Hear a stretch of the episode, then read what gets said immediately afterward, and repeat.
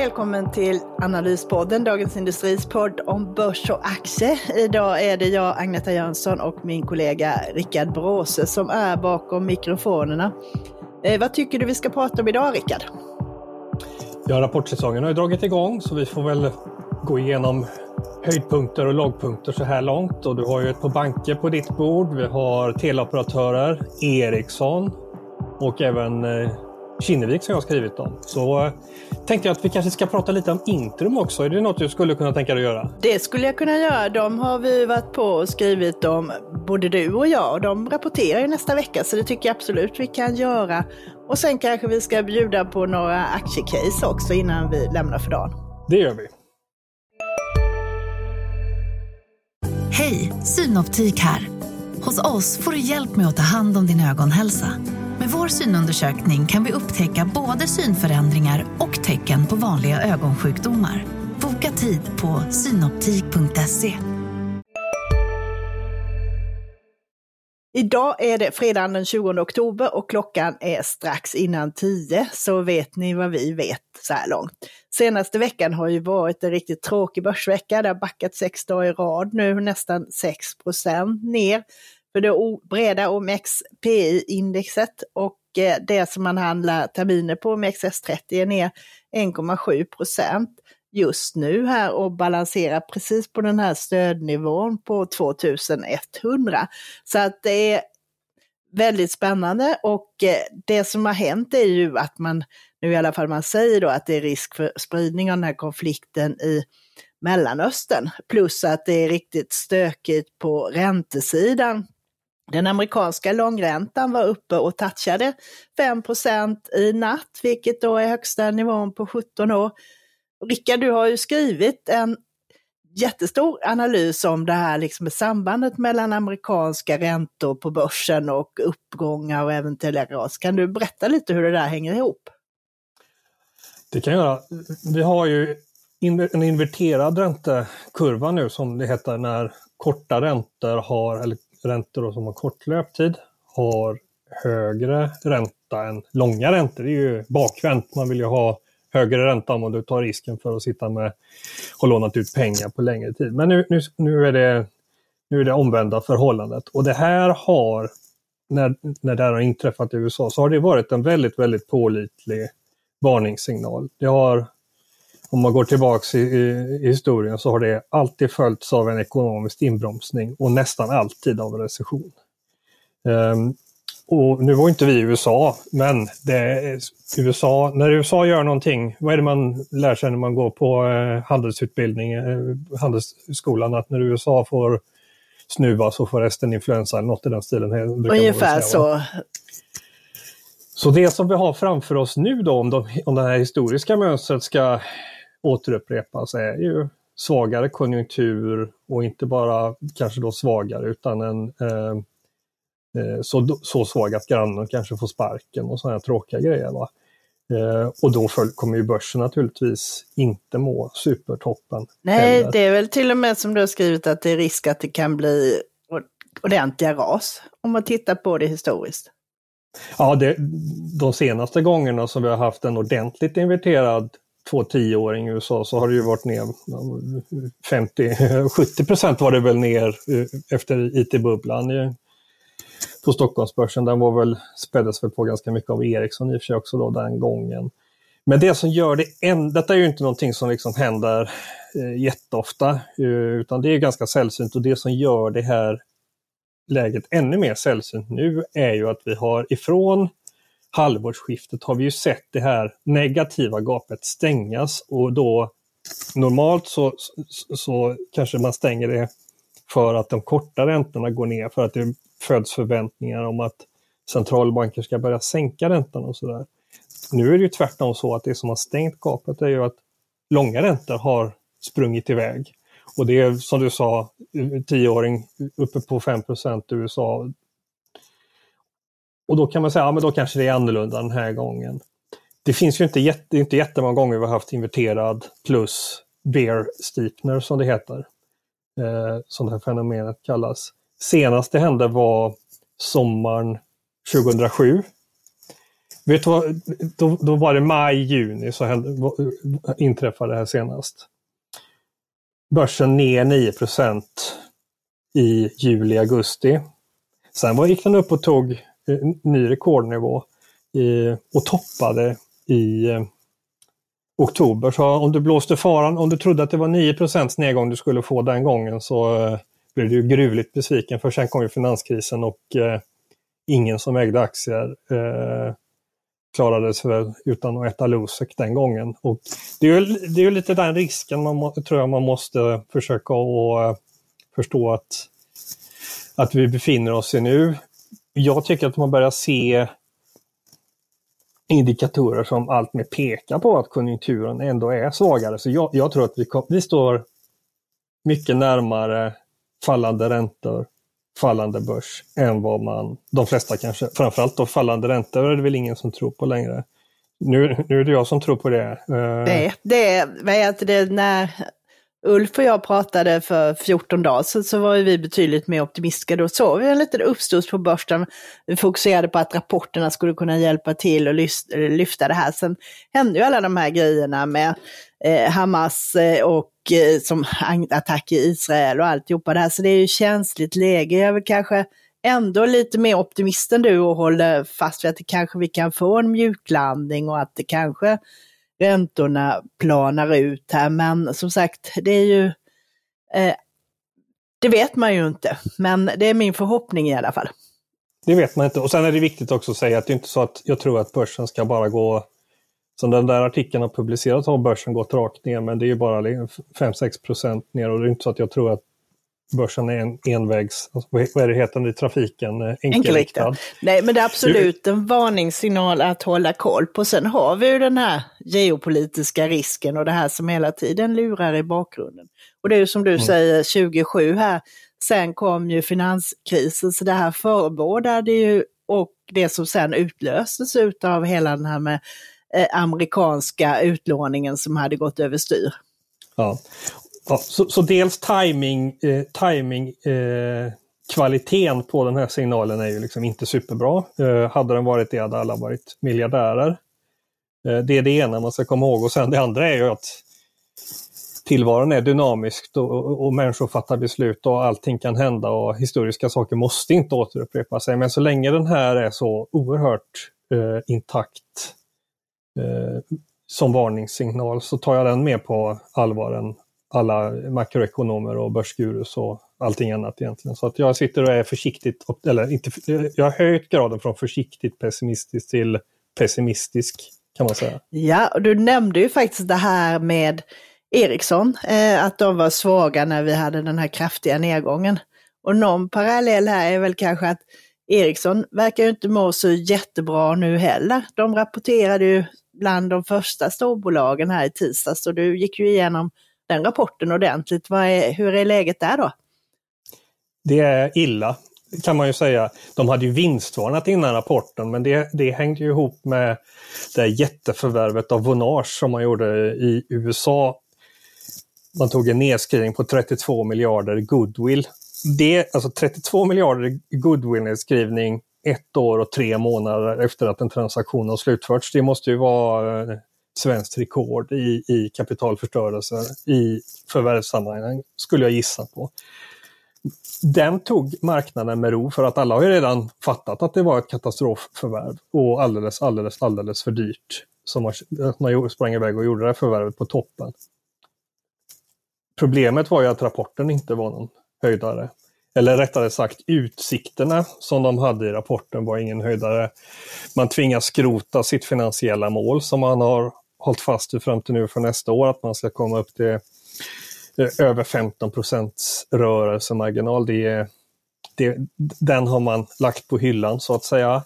Um, man har hela tiden sagt att det, det, kommer att ta sig igen på slutet på året, men nu verkar det inte som att, uh, att, det, att man har den här tron på att det kommer att vända i närtid längre. Och det var det som, som, som, eh, sänkte, som sänkte aktien ganska rejält. Så nu är vi liksom tillbaka i ett läge där Börje Ekholm har, sutt, han har suttit i sju år, aktien tillbaks där den var när han tillträdde i mitten på januari för sju år sedan.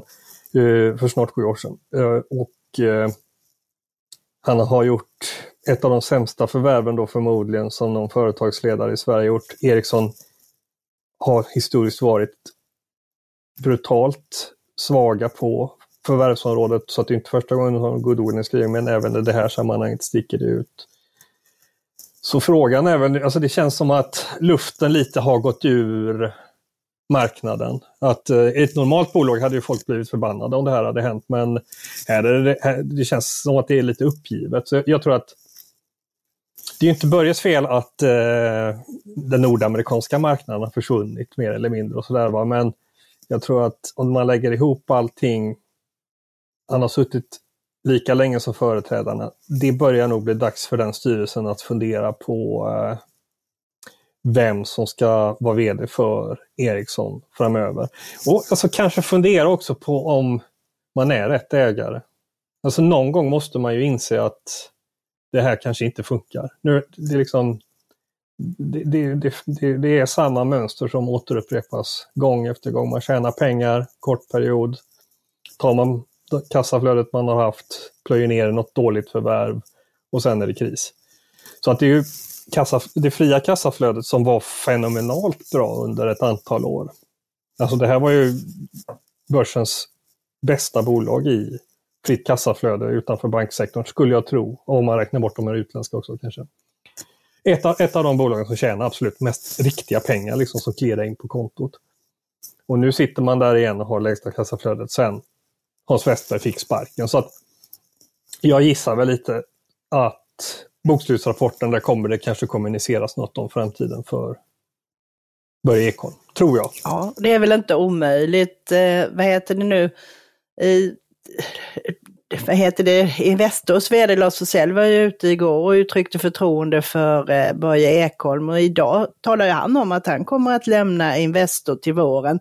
Så det är ju en del förändringar i de där kretsarna nu kan ja. man ju säga. Eh, den är också intressant att undra vad, vad, vad, planen är där, om han ska ta över som ordförande i Atlas eller... Det, det verkar ju som att han uppenbart ska fortsätta jobba för Investor i alla fall. Och, eh, det gör det ju. Och han pratade ju just om just så här styrelseuppdrag och sådana här grejer, så det är väl ganska mm. troligt att han tar över ordförandeklubban i deras större innehav eller någonting sådant. Kan man tänka. Det, det, det får vi sätta låg odds på, tror jag. Det gör vi.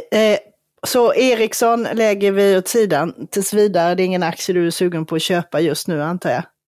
Alltså jag är ju, är det, är det någonstans hatkärlek är tillämpligt som uttryck så är det när det kommer till Nokia och Ericsson för min del. De är, det, det, ja, man är lite, lite sugen men jag tror att det, det är inte så superbråttom in eh, just den här gången. Men det är alltså naturligtvis det är ett bolag med potential och som är väldigt lågt värderat. Och Sen har du då dessutom kanske att man till slut kommer komma till slutsats att det borde säljas typ Samsung eller någon i den stilen skulle jag eh, kunna tänka mig.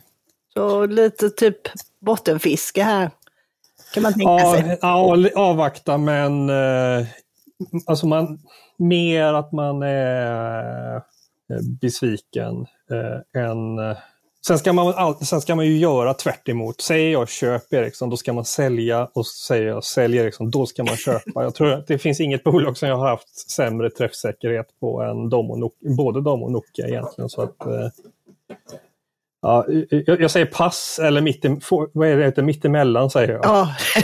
avvakta. Vi nöjer, vi nöjer oss med det.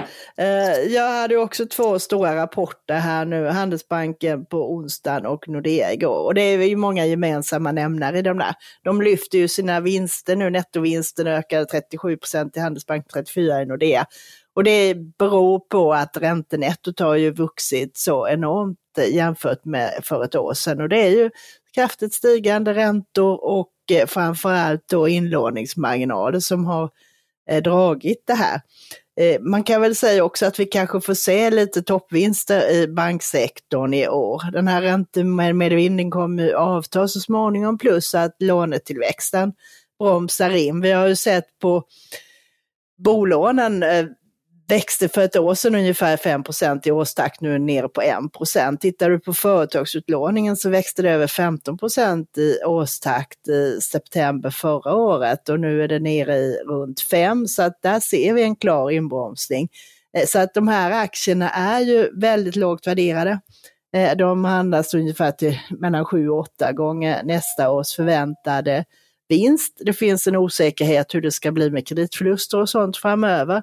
Och där överraskar ju bägge två positivt. Framförallt Handelsbanken är ju en följetong att man alltid redovisar lägre förväntade kreditförluster än vad analytikerna tror. Där trodde man att det skulle reserveras förluster på 344 miljoner och det blev en. Man har också, har varit, också varit väldigt orolig från utländska analytikers sida, framförallt om Handelsbankens stora exponering mot kommersiella fastigheter.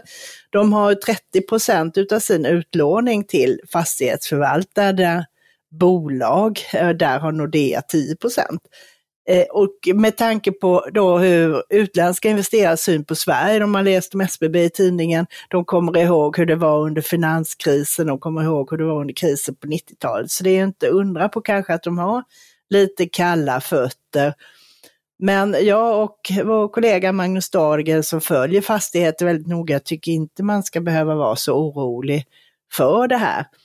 Nordea uttryckte också lite, deras vd Frank Wang uttryckte också liksom oro för framtiden, hur det ska gå för konsumenter och hur det ska gå med priserna på bostäder och sånt som man inte tror har tappat tillräckligt. Så det är lite så här, lite dystra tongångar. Men som sagt, du har att det, det, som du har som är positivt i det här är att marknaden har redan prissatt en stor del av den här Eh, försiktigheten kan man väl säga och de kommer även nästa år om inget oväntat händer då, typ någon krasch eller något sånt här, så kommer de att tjäna väldigt bra med pengar då också, vilket gör att direktavkastningarna hålls uppe så att du får nu en 8-9 procent i direktavkastning på de här. Och det gör att det blir, under dåliga tider blir de lite mer som, kan man säga, mellanting mellan aktie och obligationer. De blir tråkiga men du kan ändå få en hygglig avkastning. Och Nordea har ändå haft en totalavkastning på 18 procent i år och det är inte så illa i den här marknaden. Handelsbanken däremot har gett någon procent. De ligger lite efter också, kan man säga, i den här digitala utvecklingen och eh, de kom också in senare i en sån här omstruktureringsprocess när man gör om banken. Nordea har varit lite först ut på det och Nordea visar liksom, detta var elfte kvartalet i rad, där man faktiskt hade ett stigande rörelseresultat på årsbasis. Bägge två har nu en hög lönsamhet. Bägge hade avkastning på eget kapital på över 17 procent i tredje kvartalet där, vilket är högre. Eh, man strävar långsiktigt för Nordeas sida att vara över 13 procent. Handelsbanken har inget uttalat mål, men bankerna brukar ligga runt 15, brukar man prata om, vilket både kan vara rimligt och vad som går som mål. Så lite kanske som Ericsson, de här är eh, köpvärda. Eh, Handelsbanken är väldigt nedtryckt. Nordea tror jag det mesta i turnarounden är gjord, men det kan ändå bli en hygglig avkastning, men inget liksom att kastas över.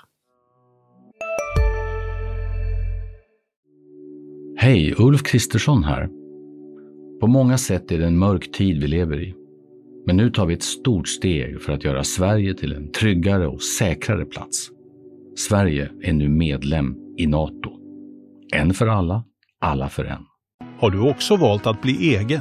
Då är det viktigt att skaffa en bra företagsförsäkring. Hos oss är alla småföretag stora och inga frågor för små. Swedeas företagsförsäkring är anpassad för mindre företag och täcker även sånt som din hemförsäkring inte täcker. Gå in på swedea.se företag och jämför själv.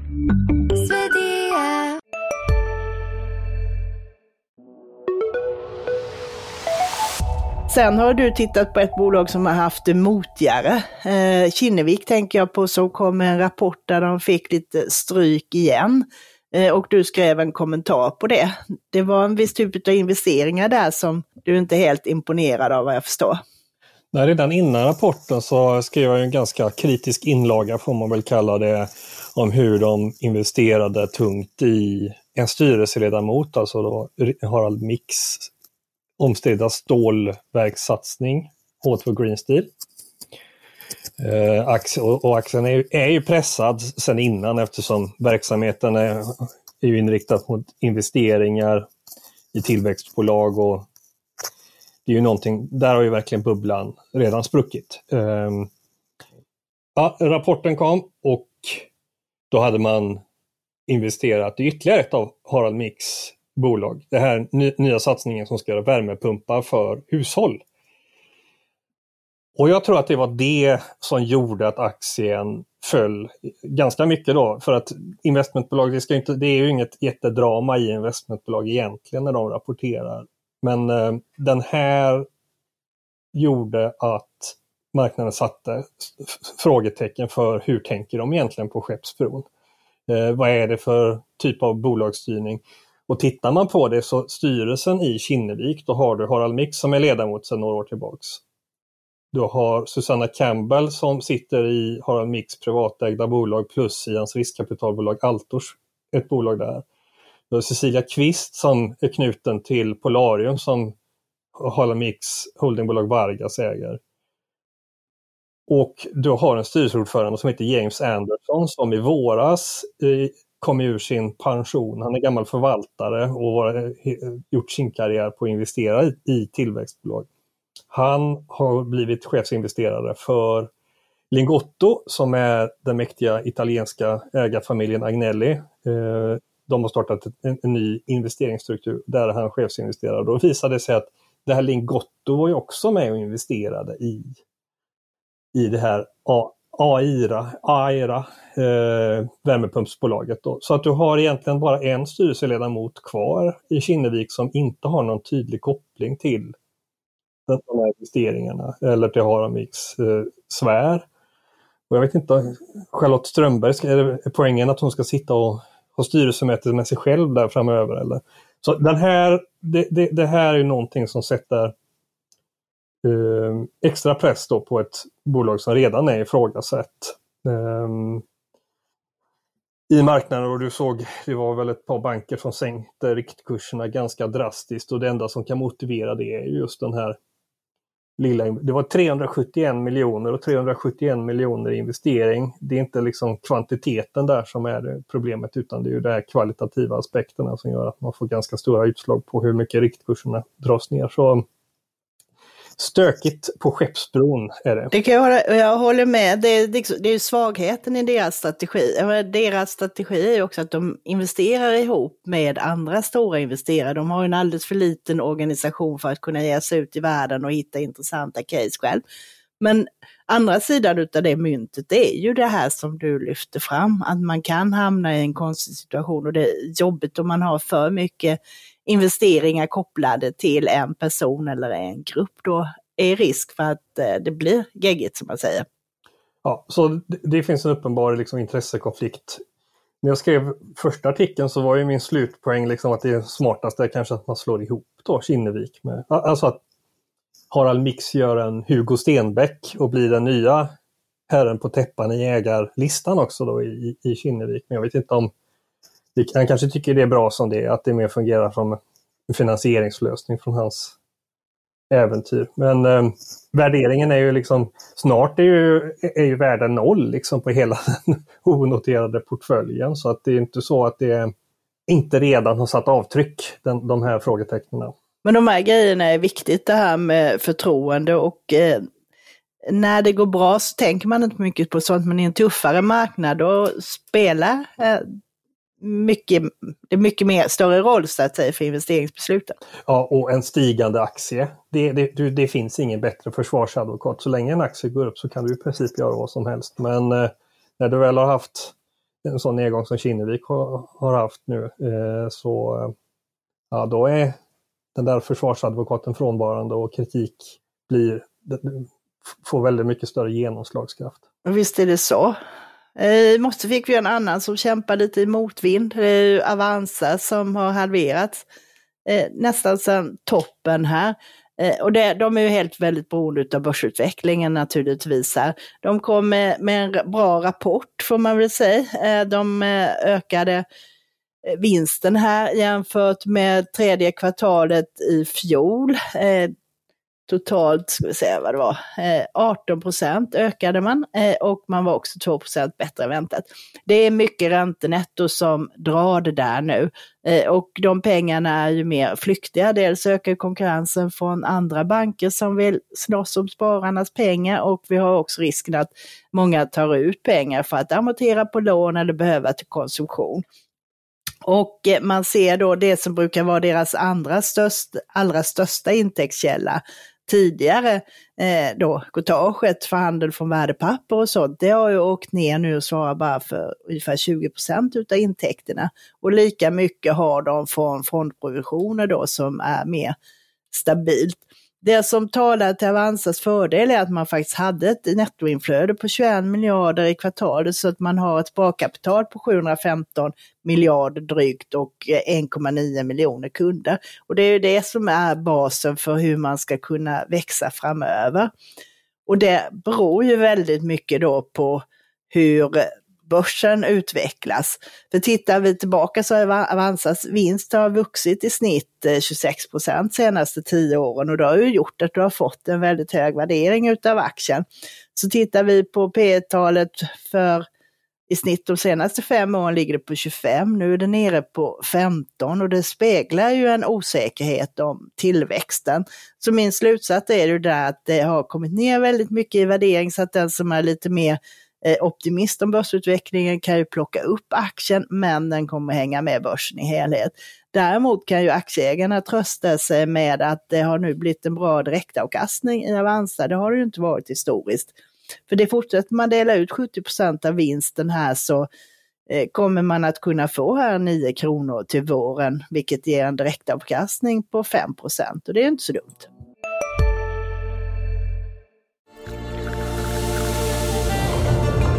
Välkommen till Maccafé på utvalda McDonalds restauranger med Baristakaffe till rimligt pris. Vad sägs om en latte eller cappuccino för bara 35 kronor? Alltid gjorda av våra utbildade baristor.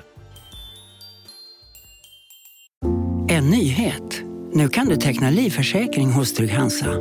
Den ger dina nära ersättning som kan användas på det sätt som hjälper bäst.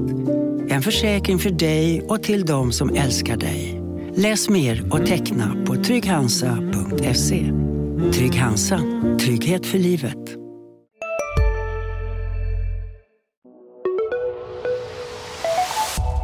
Ska vi gå, släppa det här med rapporterna nu och gå över till lite case istället?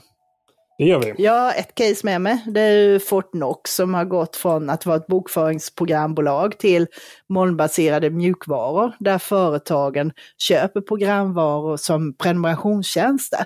Och de är ju ganska billiga, de kostar någon hundralapp per styck och det handlar om bokföring och fakturering och hantering av löner och alla sådana här grejer. Så att det gör att du har en väldigt skalbar affärsmodell. Deras mål är att de ska ha 700 000 kunder eh, innan 2025 och nu har de passerat 500 000. Och de ska också dubbla den genomsnittliga månadsintäkten per kund till över 300 kronor. Och i juni nu ligger de på 53 kronor så att de är eh, liksom utvecklas som de ska. Däremot har ju då aktien åkt ner senaste tiden. Det handlar ju om det här med värderingen, att man inte är så pigg på att betala högt värderade tillväxtbolag med det ränte och börsläge vi har nu. Så för ett år sedan så handlades aktien till 47 gånger nästa års förväntade vinst och nu ligger det på då P-talet för 2024 ligger på 45 så att det ligger på samma nivå. Däremot har ju då eh, rörelseresultat och omsättning ökat kraftigt. Så första halvåret ökade omsättningen 32 procent eh, och Eh, nettovinsten steg 65 procent. Så att det här, jag tycker inte det är så dumt case här, men ska man ha Fortnox nu så måste man tro på det här att intresset tillväxtaktier kommer tillbaka. Aktien är visserligen upp för 12 procent senaste året, men eh, det, det, är svårt att se lite att man ska få extra skjuts före vi får en bättre marknad. Så att jag tycker den är köpvärd, men eh, tajmingen kan nog vara lite bättre. Nu har de i och för sig fått en riktigt smart produkt som de lanserar nu, ett företagskort. där som automatiskt då när man handlar med det så hanterar den kvittohantering och det hoppar även rakt in i bokföringen. Så för oss som inte älskar administration låter det ju som en riktigt bra grej. Det låter bra. Det låter som att det ligger lite nära eh, Kinnevik har ett danskt bolag som heter Pleo som är lite liknande. Det stämmer. Eh, och det är på samma liksom, fintech för företag och hantering utav administration och sånt. Det är intressant. Men du har ju också med dig ett case hörde jag. Om, vi ska, om man håller sig till de rapporterna vi har sett i veckan som gick här så tror jag att det är Telia som är den som, eh, hur tråkigt det än kan låta, som, som, som, som eh, ligger närmast att man skulle vilja köpa. Eh, den var ju upp ganska mycket på rapporten för Telias del. Telia telemått mätt var den upp jättemycket på rapporten. Men jag tror att det har vänt. Kassaflödet har bottnat. Du har haft disk eh, diskussion som har varit, kommer de behöva sänka utdelningen för nästa år? Diskussionen kommer nu ändras till liksom, när i framtiden kan man börja höja utdelningen istället? Eh, det, var Ellison Kirkby, vd som är på väg att avgå eller på väg att lämna. Hon sa att det var den bästa rapporten för Telias teleoperatörsverksamhet, alltså då inte tv och media eh, i modern tid. Ehm, och har man den börssynen som jag har, eh, tror man, det jag tror vi kommer få se från verkstadsrapporten nästa vecka, nämligen svagare efterfrågan och jag tror att den här efterfrågan är det som kommer definiera hur de rapporterna går. Så tror jag att vi kanske redan har sett den främsta ljuspunkten av storbolagen med då Telias rapport. Och har man den börssynen så kommer man ganska långt med 7,7 procents direktavkastning eller vad det är, någonstans där lägger det på. Så slår ett slag för en ständig besvikelse och en väldigt ägd folkaktie. Ja, det, tack för det. Eh, jag skrev också den här som vi kallar för veckans aktie och då tror jag storbanken SEB. Att jag föredrar dem just nu är att de har en betydligt större bredd i intjäningen än de andra bankerna. De har ju största exponering mot, mot företag, stora företag. Så för deras del, visserligen har räntelättot stigit nu, men de tjänar pengar på väldigt mycket annat, på företagsaffärer, allt sånt där med säkringsprodukter som när företag hedgar valutor och räntor och sådana här saker och plus att de har en större exponering mot kapitalmarknaden. De har ju även en stor verksamhet som Eh, kallas för depåförvaring där de har hand om alla fonder och utvecklar utländska bankers och deras hantering av värdepapper som är en viktig verksamhet för dem. Och den är de störst på av de nordiska bankerna. Eh, faktiskt så att eh, den tycker jag man kan titta på här framöver. Men det bygger ju också på att vi får ett hyggligt år nästa år. Och där har du också en låg värdering och en bra direktavkastning samtidigt som de också jobbar dynamiskt med bank, balansräkningen och gör en del återköp. Så den tycker jag är värd att slå ett extra slag för. Men sen har vi faktiskt, kommer ju hända en massa grejer nästa vecka också och vi har ju skrivit ett, ett stor grej på vår sajt som heter DI Superguide-rapporterna och den kan man titta på. Där uppdateras dels liksom hur det har gått på rapporterna men också lite förväntningar inför nästa och sådär. Så att det rekommenderar jag att titta på. Och på måndag kommer det några bolag och där har du lite koll på Sandvik som väl blir dagens viktigaste antar jag? Ja, och kanske den viktigaste siffran för hela rapportperioden kommer ju när eh, du får se organisk orderingång för deras konjunkturkänsliga affärsområde, eh, Manufacturing Machining Solutions. Den tror jag kommer att sätta väldigt mycket tonen för resten av veckan vad gäller verkstadsrapporter i alla fall. Så den, den, den blir eh, högintressant. Sen är inte jag alltid så här att jag tycker att de största bolagen är de mest intressanta utan jag brukar ju söka mig till där det är lite stök. Och eh, vad ska man kalla det för? Rysare. Så Intrum har vi ju på eh, senare i veckan. Det har vi. Eh, de kommer på onsdag där tillsammans med typ 21 stora bolag så att det kanske flyger lite under radarn där.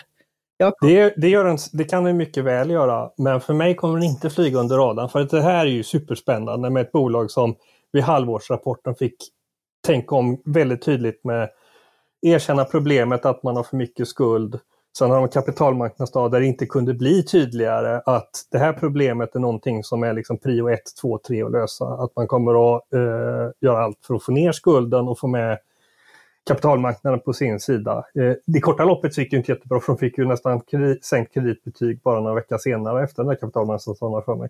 Men det här tycker jag är ett av de mest eh, spännande bolagen eh, för att se nu när man har ställt om hur kan man balansera. Nu ska man ju investera mindre, investera mindre och använda kassaflödet till att amortera.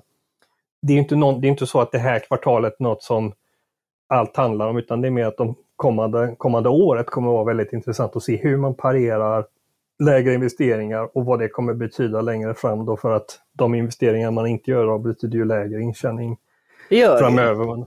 Man har även haft svag operationell utveckling, alltså svag vinstutveckling då i, under första två kvartalen. Och där, här har vi någonting, ett gäng som verkligen får hoppas att, att uh, den här inverterade yieldkurvan har fel den här gången för något som är dåligt för det här bolaget skulle vara kraftigt ökande arbetslöshet då till exempel. Så den tycker jag blir intressant. De har ju ganska ny vd också som väldigt vältalig, väldigt medryckande. Så, så ja, fängslande bolag. Det, det, och den, eh, det, som sagt var, jag har följt dem jättelänge. Jag får väl säga som med dig och eh, Telekom då, att det är en hatkärlek. Jag har ju följt dem sedan eh, Mikael Wolf var vd då för evighets, evighet sedan. Men det jag har missat lite är att risken har ökat sedan de gjorde den här sammanslagningen med Lindorff 2017 och sedan dess har det varit motigt kan man ju säga. Så att detta är ju tredje vdn eh, sedan dess nu som kommer in och eh, ska få ner skuldsättningen till de här nivåerna på 3,5 gånger kassaflödesbaserade rörelseresultatet. Och det har man inte lyckats hittills. Man har inte bromsat in samtidigt som man har gjort arbete för att effektivisera hela liksom, indrivningsprocessen. Både för de här portföljerna man köper själv men också den inkassering man gör för kunders räkning så att säga. Och det har, arbetet har inte heller gått kanske riktigt som man har tänkt. Så man avyttrar ju en del grejer och nu är man inne i då en, ska man säga att man eh, både vad det gäller då eh, det underliggande arbetet, eh, effektivisera och försöka få in det. Man säger ju att de kontrakt man tar nu med externa kunder har en högre lönsamhet. Men sen är det ju som du säger att man har ju då de här portföljerna man har köpt med framförallt då dåliga banklån matchas ju med obligationer som har en låg ränta. Eh, och då är dels är skuldsättningsgraden för hög, men sen när de här obligationerna trillar ut så faller ju lönsamheten i det här också. Så att det är en, en kommer att pågå en vändning här under ett år som blir jätteintressant att följa. Och det här går ju tillbaks till Lindorff-förvärvet och det, det, visar sig gång efter gång att det är väldigt mycket lättare att kvadda en balansräkning, göra stor, dra på sig för mycket skuld än vad det sen kanske är att eh, sanera den. Vi såg ju en nyemission i mindre bolag, det är Dustin som aviserades här alldeles nyligen som också gjorde den här typen av stort förvärv. Får, får eh, obalanserad balansräkning och sen blir alla lite missnöjda när det kommer en saneringsemission. Men eh, Ja, det är ett spännande bolag. Har du något annat som du ser fram emot inför nästa vecka? Ja, om du sitter och gottar ner dig i intron då på onsdag morgonen så kommer jag ta tag i SCB eh, som är då eh, och titta på hur de eh, faktiskt levererar här nu. Och sen på torsdag så är det ju Swedbank som kommer med sin rapport. Det är väl de grejerna som jag kommer fokusera på i nästa vecka. Ja, det blir fruktansvärt mycket rapporter och väldigt mycket att titta på och det kommer ju vara garanterat något som vi inte har nämnt nu som kommer att kanske vara det som sticker ut allra mest förmodligen. Som det alltid är, att det är alltid det man inte har tänkt på som kommer med överraskningen. Oh, det blir en intressant vecka och sen kommer ju dessutom ECB med ett räntebesked på torsdag och där räknar man med att det blir en oförändrad ränta och den prognosen har väl stärkts nu i och med att det är så stökigt i omvärlden. Men som sagt, man vet inte. Men tycker du ska nöja oss med det här för idag? Eh, eller har du något mer vi tycker du ska ta upp? Nej, vi får spara på resten till någon annan gång tror jag. Det, vi, vi, nöjer oss här. Det gör vi och eh, då kan vi rekommendera att lyssna på DIs andra poddar och följ oss gärna på din poddspelare eller Spotify så du inte missar något. Eh, tack för att du lyssnade på Analyspodden idag med mig Agna Jönsson och Rickard Bråse. Hej då! Hej då! Du har hört en podcast från Dagens Industri. Ansvarig utgivare Peter Fällman.